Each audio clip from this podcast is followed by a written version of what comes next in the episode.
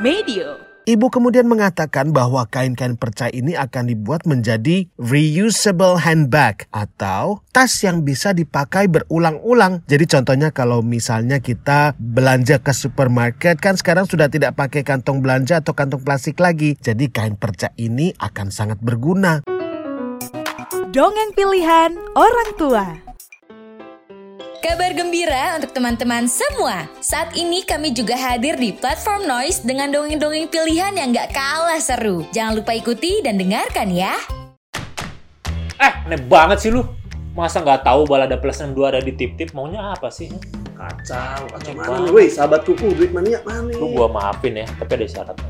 Kasih tahu apa syaratnya mas? Syaratnya lu harus nonton live streaming balada plus 62 Betul. hanya di tip-tip tanggal 5 Juni 5 2023. Juni Oh, 2023. kalau nggak datang. Masih nggak tahu juga. Live streaming.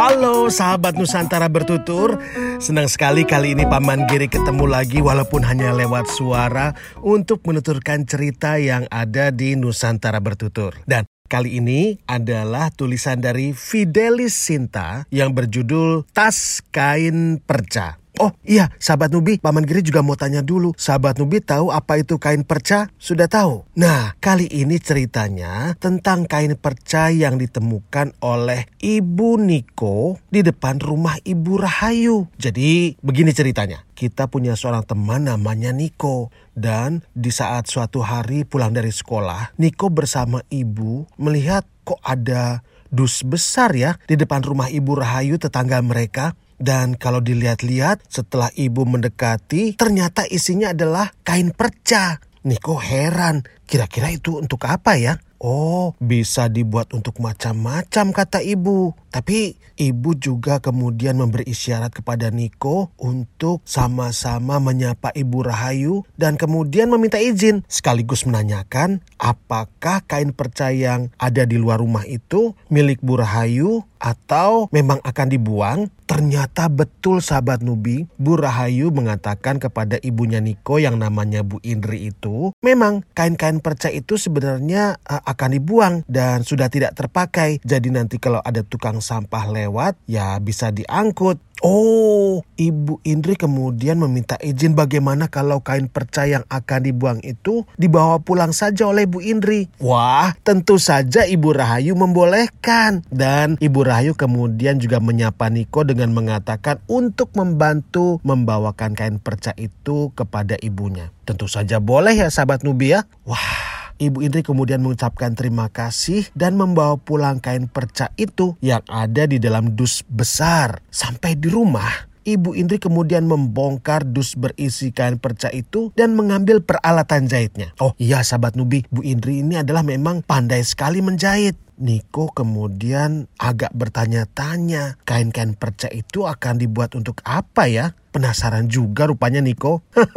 Ibu kemudian mengatakan bahwa kain-kain perca ini akan dibuat menjadi reusable handbag atau tas yang bisa dipakai berulang-ulang. Jadi contohnya kalau misalnya kita belanja ke supermarket kan sekarang sudah tidak pakai kantong belanja atau kantong plastik lagi. Jadi kain perca ini akan sangat berguna. Wah, Niko kemudian ingat dengan pelajaran yang memang diajarkan di sekolah tentang mengurangi pemakaian plastik dan memakai tas yang seperti ibu buat itu akan bisa membantu mengurangi pencemaran lingkungan. Keren juga ya. Jadi ibu nanti akan bisa membuatnya juga dalam bentuk tas yang banyak dan Ibu Indri juga berencana untuk membagikan tas dari kain perca ini kepada Ibu Rahayu. Niko kemudian juga jadi teringat, boleh nggak kalau seandainya nanti dibawa ke sekolah akan diberikan juga kepada Ibu Tuti wali kelasnya. Tentu saja, Ibu Indri mengatakan boleh. Wah, mereka sekarang semakin bersemangat membuat tas kain perca sambil menunggu ayah pulang.